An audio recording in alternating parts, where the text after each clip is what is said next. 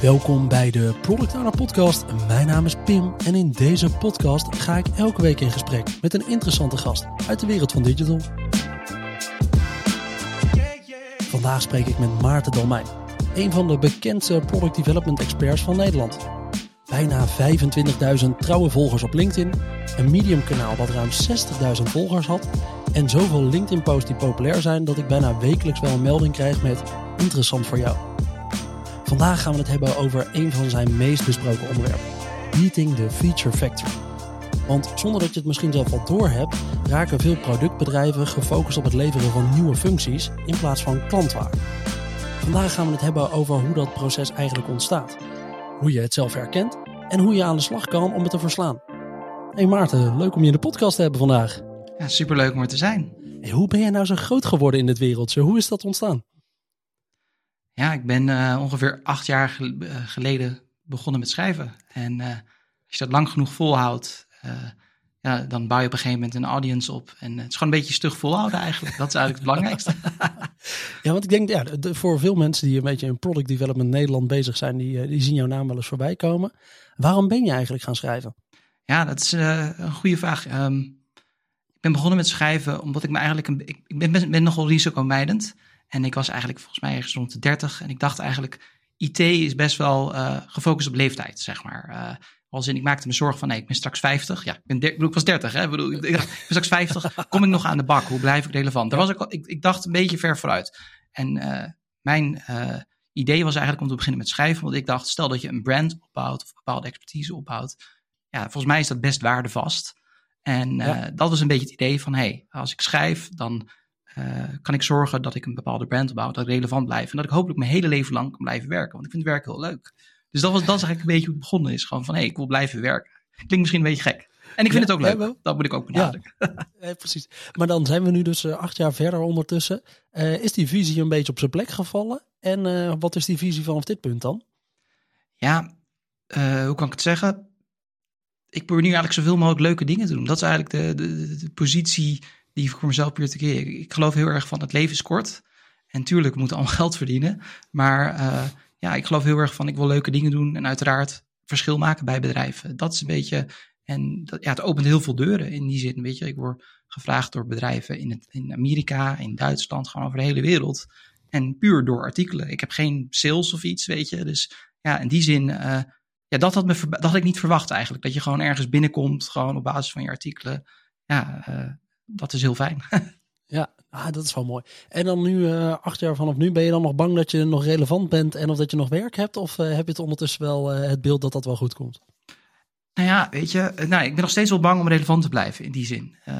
bijvoorbeeld, ik ben nu voor mezelf begonnen, maar ik ben nu voornamelijk bezig met trainingen, workshops, coaching. Dus ik ben niet meer, zoals ze zeggen, in de trenches, weet je. Dus ik zit al een beetje te denken van, hé, hey, misschien moet ik over zes of negen maanden weer even gewoon echt aan de slag, weet je. Uh, even stage ja. lopen. Ja, ergens stage lopen. Gewoon, eigenlijk moet je gewoon elk half jaar eventjes ergens bij een bedrijf stage lopen. Gewoon eens kijken wat er nou echt weer gebeurde. Ja, dus dat is ook mijn intentie eigenlijk, om, om gewoon dat te blijven doen. Want ik, ja, ik geloof heel erg in, uh, ja, er is een verschil tussen theorie en de praktijk. En uh, ja. ja. dat kun je alleen maar ontdekken door te doen. En daarom wil ik, ja, ik wil gewoon dingen blijven doen. Maar daar, daar denk ik nu over na eigenlijk. Van hey, uh, heel leuk schrijven, praten en dingen doen. Maar ja, je moet ook met je, hoe zeg ik, met je voet in de aarde blijven, zeg maar. Ja, met je, met je poten in de klei. Ja, ja met gewoon, je poten in de klei. gewoon wel echt erbij blijven. Want anders word je inderdaad, ga je alleen maar praten vanuit een, uh, ja, uit, vanuit een theorie-oogpunt. Ja, en we weten denk ik allemaal wel een beetje dat ja, de theorie niet altijd precies gelijk is aan de praktijk als het gaat om product development. Ja, dus dat is eigenlijk nu mijn grootste angst eigenlijk. Uh, ja. Uh, mooi. Goed dat, je de, goed dat je in ieder geval door hebt waar, waar de terechte angst uh, dan ergens zit. Hey, op een gegeven moment, als ik een beetje rond jouw profiel zit te kijken, dan zie ik 60.000 volgers op Medium. Maar ondertussen las ik ook ergens, je bent ondertussen gestopt met Medium. Klopt. Dat is wel de plek waar je bent begonnen met schrijven. Ja. Nu ergens anders aan het schrijven dan? Ja, um, ik schrijf nu op Substack. Um, met als belangrijkste reden is uh, op Medium heb je eigenlijk niet echt, uh, ja, het is misschien niet een leuke manier om te formulieren, maar controle over je publiek, zeg maar. In de zin van, uh, als ik een artikel schrijf, een bepaald medium, wie het ziet, hoe, weet je, of ze het überhaupt ontvangen. En dat is best wel een arbitrair systeem, om eerlijk te zijn. En ja. ja, het hebben van veel volgers op Medium heeft nul voordeel. En dat is wel dat ik dacht van, ja, ik kan hier wel blijven, alleen in principe hebben zij er baat bij dat ik veel mensen op Medium krijg, maar ik heb er nul baat bij. En dat, dat ging een beetje wringen. En toen dacht ik van, nou, ja, ik kan beter naar Substack gaan. Want dan uh, ja, verzamel je dus e-mailadressen in die zin. En als ik dus elke dag een mailtje zou willen gaan sturen, wat ik dus absoluut niet ga doen, dan zou ik dat kunnen doen. Maar op Medium kun je dat vergeten. Juist. Ah, dan heb je echt wel veel meer controle over je eigen content en wie het bereikt. Ah, logisch reden. Hoeveel heb je wel weer je abonnees? Ja, ik heb nu bijna 3000, maar dat is natuurlijk weet je, in twee maanden tijd. En uh, ja, ik ben bezig vooral met mijn boek afronden. Dus, maar wat ik wel wil zeggen is dat, dat ja. ik ben heel blij daarmee. Want ik, ja, ik heb nu meer views met die 3000 dan met die uh, eh, 66.000 op Medium. Dus het is, was een goede move eigenlijk, na twee maanden al. Ja, Cool. ik vind het leuk om, uh, voordat we zo meteen het hoofdonderwerp induiken, nog eventjes helemaal terug te gaan naar dat begin. Je begon op een gegeven moment met schrijven, maar je bent ook ooit PO geworden. Hoe ben jij PO geworden? Ben je erin gerold als functie? Heb je ergens op gesolliciteerd en dacht je, dit is een leuke rol? Ja, ja het is heel grappig. Ik was eigenlijk, uh, mijn eerste baan was ik uh, marketing manager bij een start-up. ja, daar was zij eigenlijk de, iemand van wie ik werkte, zei van, hey, jij moet richting product gaan. Daar zou je heel goed in zijn. Uh, helaas ging het bedrijf in surseance, dus dat, het bedrijf liep niet zo lekker. Uh, crisis van 2008. Dus uh, ik moest op zoek naar iets anders. En ja, allereerst ging ik op marketingfuncties solliciteren.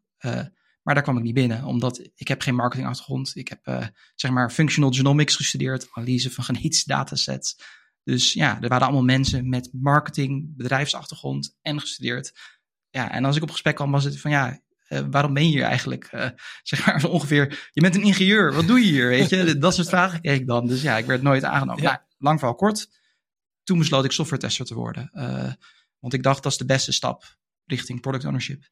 En eigenlijk vanuit software, ik wist toen al dat ik product owner wilde worden. Maar ja, het is moeilijk, weet je, je eerste baan als product owner. Dus toen business analyst, scrum master geworden. Ja. En uiteindelijk bij een start-up was iemand zo gek om me aan te nemen naar honderden gefaalde sollicitaties.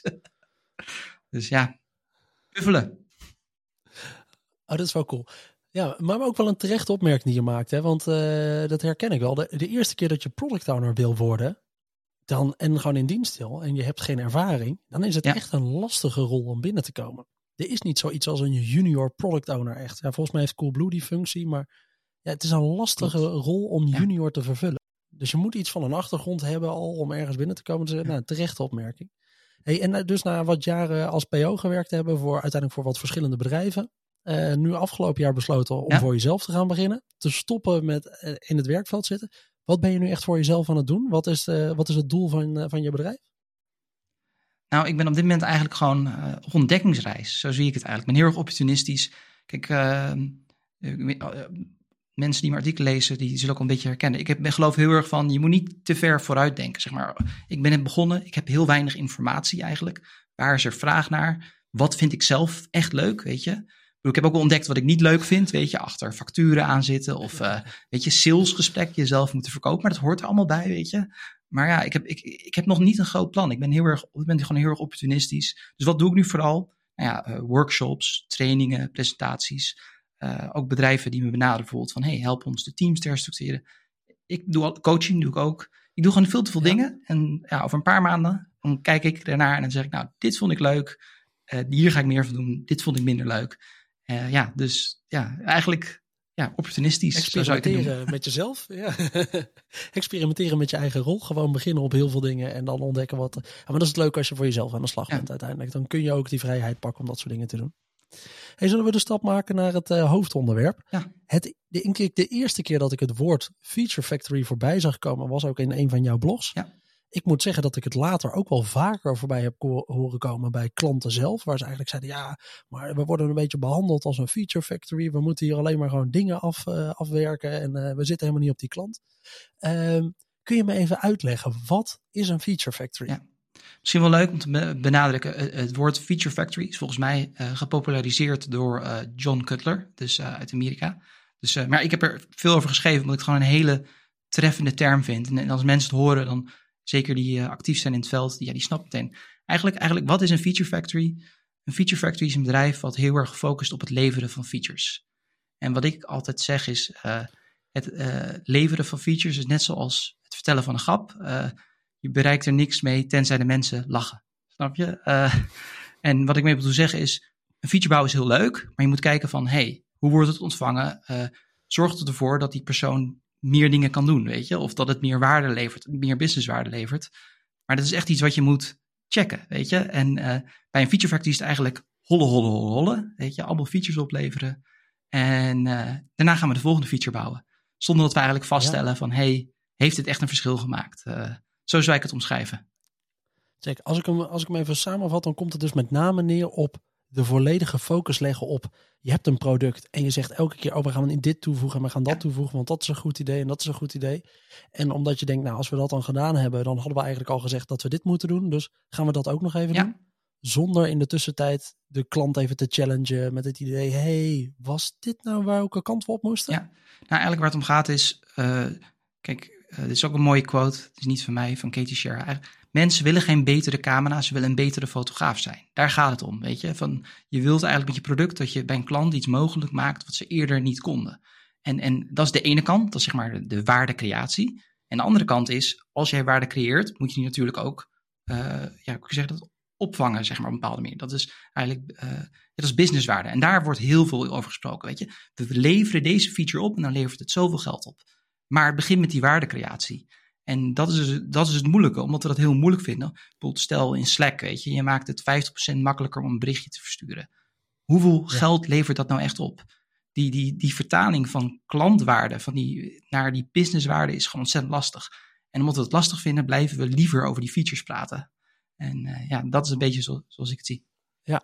ja, want hoe ontstaat die situatie dan in de, in de meeste bedrijven? Wat is nou in een, zeg maar, veel voorkomend in zo'n Nederlands bedrijf? Hoe komen we nou in die situatie terecht waarin die, die, dat ontstaat, die Feature Factory? Ja, een hele goede vraag. Uh, misschien is ook wel leuk om jou een vraag te stellen. Hoe was jij toen je in je, eerste rol als product owner? Was, was jij bezig met het runnen van een Feature Factory? Of was je, had je meteen al door van, hey, uh, we moeten geen Feature Factory hebben, we moeten... Uh, nou, in deze rol was ik, uh, in de eerste rol als PO, was ik ook echt wel meer een beetje aan die Skype uh, proxy kant. Daar zat ik ook echt wel op de, ja. de uitvoering met het team inderdaad.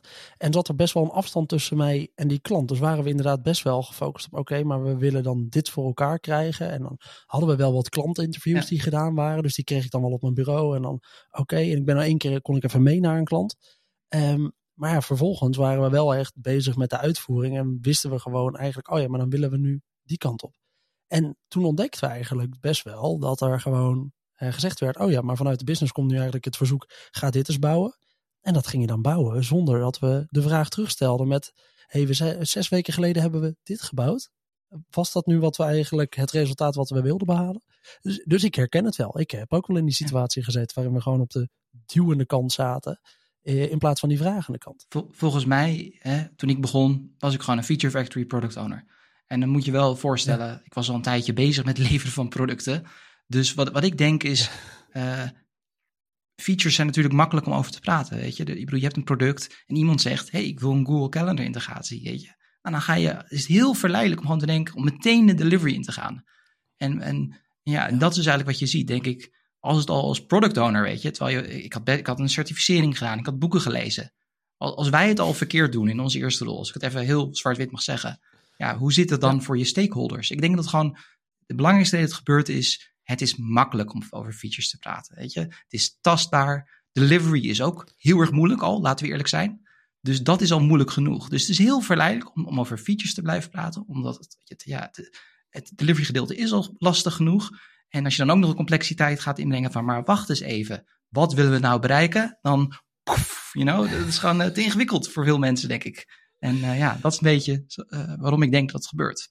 Ja, terechte opmerking denk ik wel hoor, inderdaad. Want ja, je hebt gewoon de neiging om, uh, oké, we hebben nu dit. Oh, dat klinkt als een goed idee. Nou, misschien draai je er nog één experimentronde tussendoor. Hè, want je wil wel eventjes weten of het goed gaat. Oké, nou dat is dan de variant. En dan, oké, live, volgende experiment.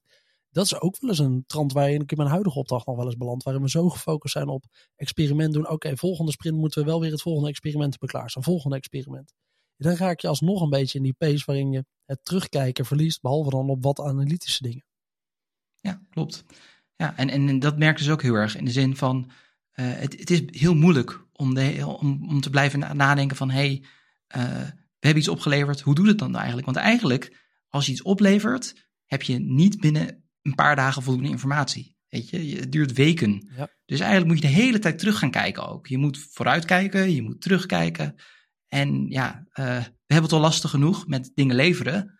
Dus het is heel verleidelijk om gewoon ja, een beetje vooruit te kijken naar wat we gaan leveren. En niet terug te kijken van, hé, hey, wat hebben we opgeleverd? Maakt het verschil? Terwijl dat is wel hoe je het meeste waarde kan leveren. Als je, als je goed snapt hoe je waarde levert, kun je dat gebruiken om meer waarde te leveren. En als je het niet goed snapt, ja, dan heb je een probleem. Stel, ik ben product owner en ik zit nu deze aflevering te luisteren. Hoe herken ik dan of ik eigenlijk stiekem in een feature factory verstopt zit? Ja, um, bijvoorbeeld je zit in een retrospective en eigenlijk waar het alleen maar over gaat is velocity. Weet je, hoeveel punten hebben we opgeleverd? Of uh, timelines van features, wanneer zijn ze af? Eigenlijk het woord klant valt gewoon niet, weet je. Van, hey, denken we dat de klant hier blij van wordt? Of denken we dat het, hoe weten we dat? Weet je, uh, oh, we gaan nu meteen, weet je, dat soort gesprekken uh, zijn, zijn echt cruciaal. En wat ik heel erg merk is, het gaat heel erg over, oh, we moeten beter code reviewen of uh, de kwaliteit moet omhoog. Maar het allerbelangrijkste is uiteindelijk, weet je, ma maakt het bouwen verschil voor de klant. Weet je, en de rest is ook belangrijk. Maar als je iets bouwt wat ze niet willen hebben en je, je maakt het heel erg mooi, ja, had je het beter niet kunnen bouwen. En al dat mooi bouwen, dat is alleen maar nog meer tijd die je verliest. En dat is eigenlijk de grootste zorg die we zouden moeten hebben. Maar helaas hebben we dat dus vaak niet. Ja, want wat is dan inderdaad het grootste probleem wat kan ontstaan als je te veel focust op die functies leveren in plaats van focust op klantwaarde? Wat is dan het probleem wat ontstaat bij bedrijven? Nou, je krijgt een, eh, ik noem het een uh, octopus Frankenstein product met uh, eh, 3 miljoen miljard features. En het probleem daarmee is, elke feature moet je eigenlijk zien als een soort parasiet. Weet je, die kost geld. Uh, die, die, weet je, ik bedoel, je hebt code, je hebt infrastructuur. Uh, hoe complexer je codebase, ja. hoe moeilijker het is om dingen toe te voegen. Dus alles wat je toevoegt, vertraagt wat je, meer wilt, wat je nog verder wilt toevoegen. Dus alles wat geen geld opbrengt of wat geen waarde levert, is gewoon enorme belast die je uh, bewegingsvrijheid in de toekomst enorm beperkt. Want dan, dan krijg je dus de gesprekken, ja, we hebben technical debt. Of, oh, we hebben support issues. Hoe meer features, hoe meer support issues je kan hebben. Terwijl ze niet eens per se waarde leveren. Dus ja, dat zijn allemaal dingen. Je wil eigenlijk zo min mogelijk features hebben. Uh, weet je, het liefst. Maar dat ze allemaal waarde leveren. Dat is de uitdaging. Uh, want ah. ja, dan kun je dus ook meer bouwen en sneller bouwen. Omdat je gewoon minder ballast hebt. Je, je zeg maar, je, technische massa is het traag, zeg maar. Hoe groter je product, hoe meer features. Het is ook moeilijker te ontdekken voor je klanten, weet je. Want ze zien opeens, wow, 20 menu-items. Dus het veroorzaakt allemaal gezeur. En het, je verliest er echt superveel geld mee. Maar het probleem is, het is heel moeilijk zichtbaar te maken, eigenlijk. Oh, ik vind dit wel een hele terechte die je maakt, waar ik me nog niet eens zo heel bewust van was. Maar inderdaad, door die focus op het leveren van alleen maar die functies en niet op die klantwaarde, ben je minder bezig met wat klanten nu echt gebruiken. Dat betekent ook dat er dus inderdaad soort van dingen gaan eindigen in jouw product wat niet gebruikt wordt. En die dingen leveren eigenlijk in de tussentijd heel veel kosten op. Onderhoud, support. Ah, daar heb ik eigenlijk nog helemaal niet bij stilgestaan. Maar dat vind ik een hele terechte opmerking. Die eigenlijk als een soort side effect ontstaat bij het niet goed focussen op wat die klant nu echt wil. Ja, klopt. En het lastige is, als je eenmaal dingen hebt die niet gebruikt worden, uh, ik, ik, misschien een leuk voorbeeld. Ik heb, ik heb, bij een bedrijf gewerkt en er was dus een feature die werd, dacht ik, nauwelijks gebruikt met klanten. Maar ik mocht hem niet weghalen. Want de stakeholders zeiden nee, want als er één klant is, nou, wat heb ik gedaan? Ik ben naar een developer gegaan en ik heb gezegd, joh, zet die feature gewoon uit in de frontend. Je, doe het gewoon. Ja, maar misschien gebruiken klanten het. Zeg ik, oké, stel dat we een boze mail krijgen. Hoe lang duurt het voordat we het gefixt hebben? Nou, misschien een uurtje, weet je, uh, bij wijze van spreken. Zeg ik, nou prima. Ja. Ik zei, we doen het gewoon en als het misgaat, dan mag je mij de schuld geven. Nou, we deden dat. Zes maanden later nooit een mailtje gehad van wie dan ook. ja, dus dat, en daarna ja. hebben we de feature verwijderd. Uh, kijk, hoe kan ik zeggen? Het liefst heb je natuurlijk goede product analytics. Dat hadden ze dus niet daar. Uh, dus dat je het gewoon een beetje kan meten. Maar ik denk ook gewoon soms van ja, soms moet je ook een beetje pragmatisch zijn. Een beetje de stoute schoenen durven aantrekken. Weet je, mensen die vinden het niet leuk om dingen te verliezen. We zijn bang om risico's te nemen. Uh, ja, dus de neiging is heel erg om alles te behouden. En ja, dan word je dus traag. Ja, daar zeg je wel iets tussendoor wat ik een hele mooie product owner eigenschap vind. En dat is eentje die ik zelf ook wel graag op me pak en ook overal centraal neergooi. Gaat het fout, geef mij de schuld. Gaat het goed, zetten we jullie op het podium. Ja. En, en, wat je net heel erg zegt is inderdaad, ja, oké, okay, I'll take the blame. Gaat het, ik wil eigenlijk, in mijn blik zouden we dit eens moeten proberen. Gaat het mis? ze mogen echt bij mij aankloppen. Weet je wat? Ik ga ook echt sorry zeggen tegen ze. En weet je wat? Als het nodig is, breng ik ze een bosje bloemen. het is mijn schuld. En, en dat vind ik echt een van de mooiste product owner eigenschappen als je dat goed weet, uh, weet te doen met jouw team. Als je de schuld ergens van krijgt, is het jouw schuld gaat er iets heel erg goed, zet je hun op het podium als development team. En als je dat uh, mooi doet, dan uh, helpt dat in mijn ogen altijd echt voor een goede teamrelatie ook. Um, Maarten, als we nu dat stukje, dus we hebben het al gehad over hoe, uh, die, hoe dat nou zit eigenlijk, hoe je nou belandt in die feature factory. De grootste bron daarvan is uiteindelijk dat we niet voldoende klantinformatie ophalen. Wat is in jouw ogen de manier om beeld te krijgen bij wat nou echt de klantwaarde is en hoe dat zich ontwikkelt? Ja, nou kijk, waarde is iets super persoonlijks. En, en, en het is heel lastig, uh, hoe zeg je dat? het is niet iets wat je goed kan kwantificeren, naar mijn mening. Kijk, een goed voorbeeld is, ja. uh, kijk, uh, als ik jou vraag, wat is je koffieapparaat, weet je? ik weet het antwoord al, want we hebben natuurlijk ervoor gesproken. Je hebt een Nespresso-apparaat, toch? Klopt toch? Ja, ik ja, heb een espresso-apparaat. Ja, ja. En, en, ik heb, een, ik heb een, een, een fancy barista espresso-apparaat, weet je. veel te duur, veel te groot. Maar ja, ze maken allebei koffie, weet je. Maar uh, als, als, als je bij jou zou doorvragen van... hé, hey, wat bij jou nou de doorslaggevende factor in die espresso geweest, weet je. Uh, nou, misschien kun je het zeggen. Wat, wat was er? S ochtends even, ja, even snel tussendoor. S ochtends even een bakje koffie. Oh, even vijf minuten tussen een meeting. Snel een bakje koffie. Ja, dat is voor mij dan Ja, en dat, en dat, is voor jou heel belangrijk, weet je. En voor mij is dat, is dat minder belangrijk. Maar dat betekent niet dat, uh, hoe zeg je dat... Uh, lastig is. We zijn allebei klanten, weet je. We zijn allebei blij met een product. Ja. En, en, ja, dus je kan niet zeggen, je moet heel erg goed die klant kennen, want iedereen heeft eigenlijk eigen wensen. En uh, als je niet goed snapt van, hey, wie is onze klant en waarom willen ze bepaalde dingen? Uh, ik bedoel, als Nespresso nu een apparaat zou uitbrengen, wat dus ja, eigenlijk wat meer richting mijn espresso-apparaat, dat zou heel gek zijn, want ze hebben een heel andere, heel andere type klant.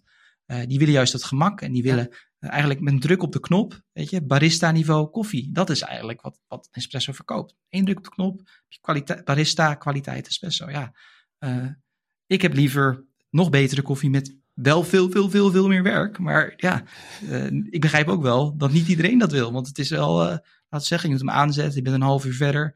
En je moet leren om espresso te maken. Ja, dat is geen sinecure. Vind je dan dat elke product owner eigenlijk persona's zou moeten uitwerken van zijn klanten? Ja, of hoe kijk je het belangrijkste is, persona's zijn heel erg goed. Wat ik vaak, waarom ik vaak uh, een beetje anti-persona's ben in die zin, is meer door de manier waarop ze verkregen zijn. Waar ik niet in geloof, is dat je met een groepje, wat ik vaak zie, is een groepje UX-designers gaat in een kamer zitten en die ja. verzint persona's zonder met klanten te praten. Misschien dat ze een beetje het verleden een paar keer gesprekken hebben gehad. Weet je, daar geloof ik dus ja. echt absoluut niet in. Want dan ga je eigenlijk al je aannames, al je voordelen, die ga je eigenlijk codificeren in een persona. Nee, weet je, dat is eigenlijk. Ja. Dan, dan hou je jezelf gewoon voor de gek. Uh, wat, wat veel beter is, is om uh, een jobs to be done persona te maken eigenlijk. Dus uh, door echt te praten met klanten die jouw product hebben aangeschaft en te vragen van, hey, wat was nou het moment dat je op zoek ging? En dat helemaal goed uit te vragen. daar zijn technieken voor. jobs to be done interviewing, daar kun je meerdere boeken over lezen. Maar en op basis van dat een persona maken, en daar geloof ik wel in. Weet je? Dus, en dat gaat veel meer van, van wat is de vooruitgang die iemand zoekt. Dus weet je, bijvoorbeeld in jouw geval, jij was wat meer op zoek naar gemak dan ik. Weet je, dat is een van de factoren. Uh, maar bijvoorbeeld, heel veel mensen hebben een iPhone, maar mijn moeder ook. Weet je, maar mijn moeder die is boven de 70. dus als je dan een persona gaat maken, ja, uh, boeit die leeftijd nou echt zo? Ik bedoel, waarom kopen mensen een iPhone? Weet je, en, en, en dat heeft veel meer te maken met waar ze naar op zoek zijn in hun leven. En die leeftijd heeft er niet altijd per se iets mee te maken, naar mijn mening. Ja. Veel meer van wat, waar, wat probeer je dus te bereiken. En daar kan leeftijd een rol in spelen. Maar het belangrijkste is, wat probeer je te bereiken, naar mijn mening. Juist, dus als je een persona gaat maken, ga niet gewoon opschrijven Marianne 42 woont in ja. Overijssel en houdt van brommers. Um, maar ga op de categorie zitten zoeken naar wat proberen ze voor elkaar te krijgen als ze mijn product aanschaffen. Wat is dan ja. het stukje waar voor hun de oplossing in zit? Ah, vind, ik een, vind ik een mooie manier om hem te benaderen. Wat is vanaf dat moment de, de vervolgstap als je hiermee aan de slag gaat? Dus je hebt uh, wat klanten ondervraagd en je weet ondertussen ja. wat nou de, het probleem is wat ze eigenlijk echt proberen op te lossen. Wat is dan de vervolgstap om die klantwaarde beter te begrijpen? Ja. Nou kijk, als je goed snapt wat mensen willen bereiken, dan kun je naar je product kijken en kijken van hé, hey, welke acties in ons product kunnen hun helpen om die doelen te bereiken? En dat kun je meten. En, en, en een mooie manier om ermee te starten eigenlijk is om eh, te kijken naar het North Star Framework. Um, Amplitude, dat is een product analytics bedrijf, die heeft ook een hele mooie guide geschreven die het heel uh, goed uitlegt. Maar eigenlijk de, de kern is als volgt. Weet je? We hebben het er net al een beetje over gehad. Je, je hebt uh, waardecreatie, dus welke waarde levert die klant. En je hebt ook het vangen van die waarde, dus die businesswaarde capturen noemen ze dat. En je hebt die twee dingen nodig, want het is een waarde-exchange. Zeg maar, jij, jij betaalt espresso voor cupjes, weet je. Maar dat komt omdat ze jou dat gemak en die lekkere espresso geven. En die transactie is dus heel erg belangrijk. Um, in je product moet je dat ook in kaart brengen. Van hey, hoe leveren we nou waarde en hoe vangen we die waarde? En in het geval van een SaaS-product is dat vaak met subscriptions. Weet je, bijvoorbeeld uh, iemand die upgrade of er komen meer users in. Met het North Star Framework, wat je eigenlijk doet, je zegt dus we hebben één North Star gaan we definiëren. Een goed voorbeeld zou zijn YouTube. Weet je, um, de North Star voor YouTube zou kunnen zijn hoeveel minuten kijken mensen naar video's. Nou, Pim, als jij vaker naar YouTube kijkt, meer, meer minuten, ja. dan leef, kennelijk vind je het leuk, word je geëntertained, dus je, je hebt meer waarde. Maar aan de andere kant krijg je ook meer van die rot ads te zien, weet je? En uh, daar verdienen zij weer geld aan. Dus ja. leveren ook, levert ook businesswaarde op. En dan kun je dus in kaart brengen van, hey, wat zijn nou de dingen die we kunnen doen om te zorgen dat Pim uh, meer video's gaat kijken? Betere recommendations, of dat hij playlists gaat maken, zodat hij uh, die met anderen kan delen. Je kunt allemaal dingen bedenken. En dan kun je dat meten. En het mooie is dus, uh, de aanname is dus, weet je, in je North Star, het is een proxy voor waarde, dat als je iets oplevert, wat dus die tijd dat mensen naar video's kijken verbetert, dan levert dat uiteindelijk meer geld op. Maar dat zie je pas later. Dus dat is het mooie eigenlijk. En dat is dus ook wat het zo moeilijk maakt. Want tenzij je dus zo'n soort model hebt, waar je eigenlijk bijvoorbeeld in Slack zou kunnen correleren van, hey, als, uh, weet ik veel, als er 10% meer berichten geschreven worden, dan levert het zoveel geld op. Als je dat inzicht hebt, dan kun je heel goed in kaart brengen hoe kunnen we dat beïnvloeden. En dat inzicht ontbreekt vaak en dus praten we over features. Zou elke product owner dan in zijn visie zo'n Noorderster moeten hebben? Zo'n één vaste metric waarvan je eigenlijk durft te stellen dat hij zowel klant als businesswaarde oplevert? Ik, ik denk dat het een heel goed vertrekpunt is, weet je, om mee ja. te beginnen. Uh, en wat heel belangrijk is, wat heel veel mensen niet, uh, zeg maar wat ik merk als mensen dit gaan gebruiken, wat ze niet goed snappen is, ja, je hebt een North Star, maar er zijn, je kunt miljoenen de dingen definiëren die die beïnvloeden. Weet je? En, en die moet je in kaart brengen. En, en, en ja, maar het, het helpt ontzettend. Dus ik denk wel dat het een heel goed vertrekpunt is. En uh, je North Star moet ook, uh, zeg maar, uh, je visie reflecteren op je, zeg maar. Dus er zit een duidelijke koppeling ook. En, en ja, begin simpel, weet je we denken altijd dat we meer weten dan we werkelijk doen. Begin simpel. En, kijk bijvoorbeeld naar je klanten die gechurned zijn. Weet je, als de North Star daar dus niet gunstig is, ze hebben weinig waarde gehad.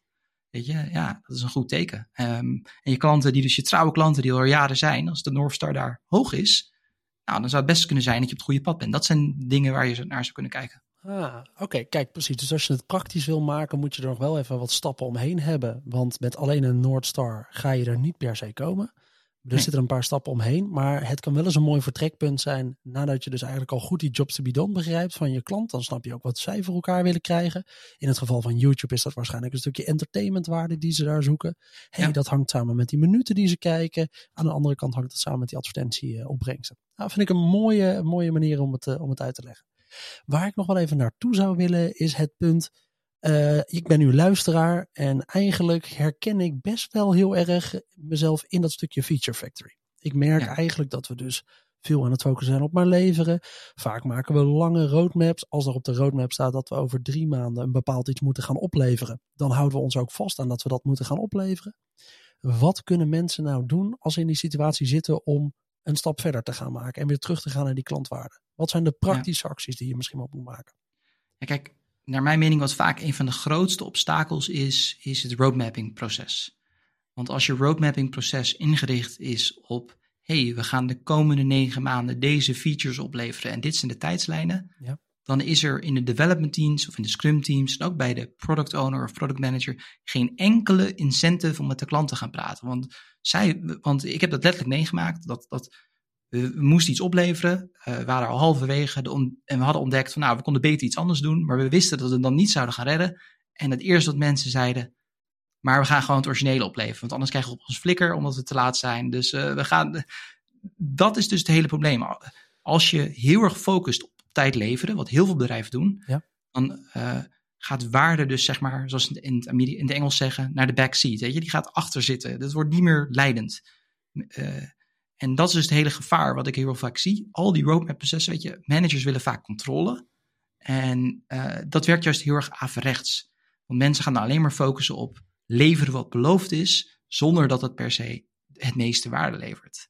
En dat is de eerste, het eerste wat je eigenlijk moet tackelen. Want als, als je dat niet tackelt, dan krijg je, dan valt de, hoe zeg je dat, de, de deksel op je neus. Ja. Eh, want dan heb je die vrijheid niet. Eh, en dan krijg je, ga je dingen te laat opleveren of niet precies wat ze vooraf verwachten. En heb je gewoon meteen, eh, ja, hommeles.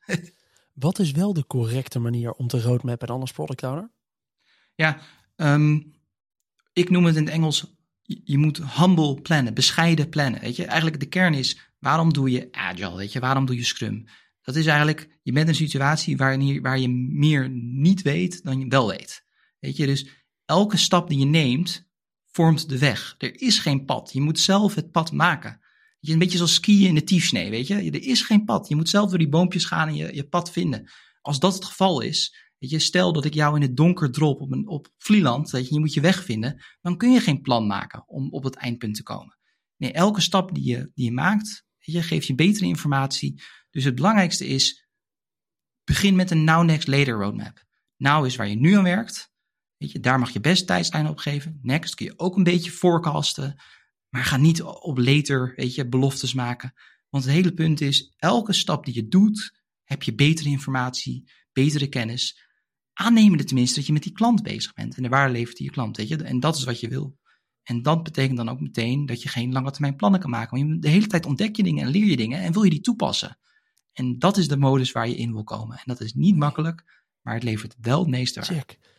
Want wat, wat je vaak hoort is dat je toch ergens als product owner wel ook een visie wil uh, neerzetten, hè? een jaarvisie. Ja. En uh, nou, om daar te komen weet ik eigenlijk al als ik een beetje de stappen terug ga maken. Hier wil ik over een jaar staan. Dan moet ik over een half jaar ongeveer hier staan. En over drie maanden moet ik waarschijnlijk hier staan. Ben jij het dan daar niet mee eens dat je dat op zo'n manier inzichtelijk zou moeten maken? Jawel, je kan best, je kan best uh, mijlpalen neerzetten. Het belangrijkste is, behoud je de vrijheid in je plannen hou je de vrijheid in wat je oplevert. Dat is het allerbelangrijkste. Ja. Kijk, als je nu al vastlegt, we gaan X, Y en Z doen, weet je, uh, dan ga je eigenlijk al keuzes maken op het moment dat je niet het meeste informatie hebt. Want je moet waarschijnlijk nog die discovery in, weet je. Je moet nog, uh, en dat moet je dus proberen te vermijden, naar mijn mening. Want ja, dan ga je dus, dan wordt eigenlijk het volgen van het plan belangrijker dan het behalen van het beste resultaat. Dat is wat je ziet. Oh ja, mooi. Ja, wat ik zelf, ik noem het vaak maar vloeibare roadmaps. Ze moeten een soort fluïde ja. zijn naar, oh, dit zou een logisch pad zijn voor de komende drie maanden. Maar dit, waren de, dit zijn in ieder geval de doelen die we erop hebben. Dit zijn de metrics waar we op peilen. Maar als er over een maand, als we denken, nou ja, dat wat, wat we daar hadden gepland als nieuwe experimenten, dat heeft, is echt niet meer relevant. Dan gaat hij er ook zo makkelijk vanaf. Terwijl als we denken, hij moet eerder komen, dan halen we hem ook naar voren toe. Dus in mijn ogen moet zo'n roadmap in ieder geval fluïde zijn. Dan moet je hem nooit bij je manager inderdaad neerleggen met, dit gaan we de komende zes maanden doen. Want dan loop je echt het risico dat je daar veel te veel op gaat focussen. En ja, op een gegeven moment de vraag krijgt: hé, hey, maar uh, ik heb nog even dat papiertje van jou gevonden. En jullie zouden deze week toch uh, dit gaan leveren. Ja. ja dan, dan, zit je vast. Dan is er niks agile meer aan. Wat jij, wat jij dus net schetst, dat is precies zoals het moet, naar mijn mening. Want het punt ja. is, je doet iets. Stel bijvoorbeeld, je levert een feature op uh, in de shoppingcart. En die levert misschien zelfs nog veel meer geld op dan verwacht. Misschien ga je dan, heb je dan wel beter, ga je dan andere dingen niet meer doen. Dat je denkt van, nee, we moeten hier nog meer mee doen. Weet je, dat is eigenlijk wat je wil. Of zelfs tegenovergestelde. We leveren dit op. Nou, het werkt niet. Weet je, uh, er zit een aanname in die niet klopt. Maar dat betekent dat die andere, die we daarna zullen doen, die klopt ook niet. Nou, die gaan we ook niet doen. Dat is wat je wil, weet je. Uh, maar meestal gebeurt dat niet, weet je, helaas. helaas. Hey Maarten, ik vind het heel mooi. Ik begrijp echt veel meer van die Feature Factory. Jouw blik erop voor mij ook echt wel een paar aha-momenten in deze aflevering. Ik hoop ook zo voor onze luisteraars. Um, ja, je schrijft zoveel zelf over uh, die productontwikkeling. Is er nog een manier waarop jij jezelf ontwikkelt? Hoe ontwikkel jij jezelf? Ik lees vooral veel. Het grappige is, um, ik spreek natuurlijk en ik ben soms podcast. Maar mijn voorkeursmanier van leren is lezen. Ja? Dus ja, ik lees gewoon heel veel boeken van uh, ja, de grote product management namen, de grote scrum namen. Voor mij is het gewoon lezen, lezen, lezen. En, en blogs lezen. Ja. Dat is mijn, ja, mij zul je niet snel een presentatie zien luisteren of zo. Of een podcast, sorry. Alle terecht, terecht, terecht, terecht. Nee, ik snap het. En, en wat is het boek van de afgelopen jaar waarvan je hebt gezegd, nou daar heb ik echt veel inspiratie uit gehaald, ook zo meteen voor mijn eigen boek en zo? Ja, um, The Art of Action uh, door Steven Bungay. Ik weet niet of ik het goed uitspreek. Ja. En waarom ik het boek zo fascinerend vind, is omdat het eigenlijk um, uh, het is geschreven door een consultant of een ex-consultant van de uh, Boston Consulting Group. Ja. Maar die had ook militaire geschiedenis gestudeerd. Die heeft eigenlijk gekeken naar uh, veldslagen uit het verleden. Waarom waren die succesvol, waarom niet? En het leuke is dus dat daar een model in zit die eigenlijk heel erg goed uitlegt van hé, hey, waarom mislukken onze plannen nou eigenlijk? En um, het Duitse leger heeft ook zijn leger gigantisch hervormd. Op basis van dus veldslagen die ze verloren hadden. Waarbij dus mensen, weet ik veel, zes plannen gemaakt hadden. En ze die gingen volgen. Ook al was de tegenpartij ontzettend opportunistisch en waren die plannen helemaal niet meer relevant. Ja. Um, en ja, uh, als je dat boek leest, dan geeft het zo'n inzicht waarom we die natuurlijke neiging hebben om uh, eigenlijk als we te weinig informatie hebben, om juist meer te plannen, om meer uit te denken. En dat het juist totaal het averechts effect heeft. En ja, volgens mij is dat uh, zo'n belangrijk boek. Omdat dat is wat ik vaak zie misgaan in bedrijven. Die hele planningsfocus.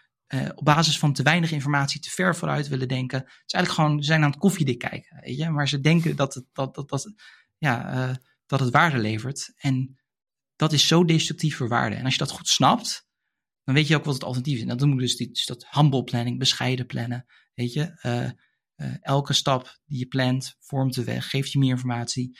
Maar leiders of managers vinden dat eng. Weet je, want ze willen controle. Maar als je dat boek leest, dan, dan, leer je dus eigenlijk de ultieme vorm van controle is dat de mensen die het werk doen, dat die beslissingen kunnen maken. En de juiste koers, dat alleen het is in hun handen en niet de jouwe. En dat is wat het eng maakt. Uh, maar ja, dit is allemaal aannemen dat je complex werk doet. Hè? Dus als je alles kan uitdenken en alles kan plannen. Maar software development is vaak complex werk. Oké, mooi. Ik ga in ieder geval even zorgen dat hij hier in de boekenkast uh, eindigt. Hey Maarten, ik vind het leuk om uh, eventjes uh, een soort terugblik op de aflevering te doen. met de grote lessen die we hier nou eigenlijk uithalen. Wat willen we nou een luisteraar in ieder geval nog even meegeven? Wat is nou jouw meest gegeven tip om hieraan voorbij te gaan? Dus de meest gegeven tip om de Feature Factory, om daarmee in de slag te gaan eigenlijk. Te verslaan, ja. Ja, ik, ik denk dat het beste is, als je, kijk, als je een roadmap hebt, zijn twee dingen eigenlijk. Hè de roadmap moet je heel goed naar kijken. Uh, daar moet je over gaan praten. Want als die als een feature factory is ingericht, dan kun je allerlei dingen gaan bedenken. maar dan, uh, uh, ja, dan word je uiteindelijk op, afgerekend op die features. Dus dat is de ene kant. Maar de andere kant is, begin met het praten met je klanten. Durf te vragen, hoe werken ze? Weet je, wat probeer je te bereiken? En stel een, een eerste versie van een North Star framework op. Probeer inzichtelijk te maken van, hey, wat probeer je te bereiken? Hoe doen ze dat in ons product? En hoe levert het uiteindelijk businesswaarde op?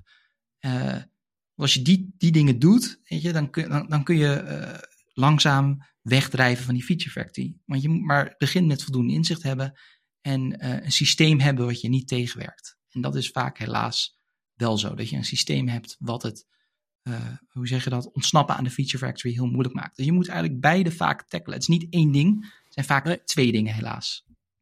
Ah, mooi. Nou, volgens mij hebben, we, hebben ze eigenlijk alle drie de vragen die ik normaal zou stellen best wel hierin beantwoord. Namelijk, wat is je meest gegeven tip? Wat moet je, waar begin je? Nou, waar begin je hebben we ook wel duidelijk. En wat moet je vooral niet doen? Wat is nou gewoon, ja, wat, eh, wat moet je vooral niet doen in dit scenario? Ja, ik vind dat moeilijk om te zeggen. En die zien, kijk, een fout die ik veel gemaakt heb is um, vertellen van zo moet het doen. Snap je wat ik bedoel? Omdat, en ik, ik weet het beter. Weet je, ik, ik, ik ben wel koppig en ik kan soms een beetje bedweterig zijn. Wat ik heel erg geleerd heb is om vooral eerst met management te zitten en gewoon echt uit te vragen van hey, hoe gaat het nou? Waar zijn jullie mee bezig? Wat vinden jullie belangrijk? Te luisteren en dan te kijken van hey, hoe kan ik hun helpen? En dan later pas, weet je, met mijn eigen agenda te komen. Want zij hebben ook een agenda. En als je niet een eerst vertrouwen en een relatie opbouwt. Dus het kan best zijn eigenlijk misschien dat je in het begin eerst bezig bent hou de Feature Factory draaiend. Zorg dat die beter draait. En dan denken ze, hey, die kerel of, of, die dame, die is goed, die is top. En dan heb je dus vertrouwen. En dan kun je dus langzaam ze in je slipstream meenemen. En dat is ook heel belangrijk. Ik zeg heel bewust slipstream. Je moet niet ter, te ver vooruit zijn. Ook al weet je dus van, we moeten hier zijn. Moet je een beetje voor ze zijn, zodat je ze langzaam mee kan zuigen. het zo mag zeggen. Maar als je te ver vooruit bent, dan krijg je, ik weet niet bekend met Formule 1, Pim, maar dan krijg je dirty air. Ja, En eh, ja, dan gaat alles juist trager. En dan vinden ze je heel vervelend, want je bent de boel aan het vinden ze vertragen. vervelend. Ja. Ja, dat is een beetje zoals ik het eh, precies. zie. Goeie, goeie, goeie tip nog eventjes zo in de laatste ronde. hey Maarten, ik vond het super tof om je, om je in de podcast te hebben. Kunnen mensen je nog een bericht sturen naar aanleiding van deze aflevering als ze vragen hebben? Ja, absoluut. Stuur me een eh, berichtje op LinkedIn. of ga naar mijn website eh dolmijn.com met een Y. Dat is mijn, in ieder geval mijn, ik heb ook mijn blog mdolmijn.com eh Ah, met IE. Ja. Dus eh, ja, eh, ik Kijk, reageer eh, meestal. eh, en als ja. ik niet reageer, eh poor me even. Soms ben ik druk en eh, verzaak ik een beetje. Ik ben ook maar een mens. Met ook maar mensen. Ja, ik wil ook nog even een oproepje voor de mensen eh, om inderdaad eh, jouw kanaal en eh, eventueel je nieuwsbrief te volgen. En dan wil ik eh, naast jou ook weer iedereen bedanken voor het luisteren naar deze aflevering van de Product Podcast. Vond je dit nou een toffe aflevering? Vergeet dan niet een review achter te laten in je favoriete podcast. Heb je nou nog vragen of opmerkingen van mij naar aanleiding van deze aflevering? Stuur me dan vooral een berichtje via LinkedIn, dat is Pim Pot, of op pim.productowner.nl. En dan hoop ik dat je de volgende keer weer luistert. Tot dan!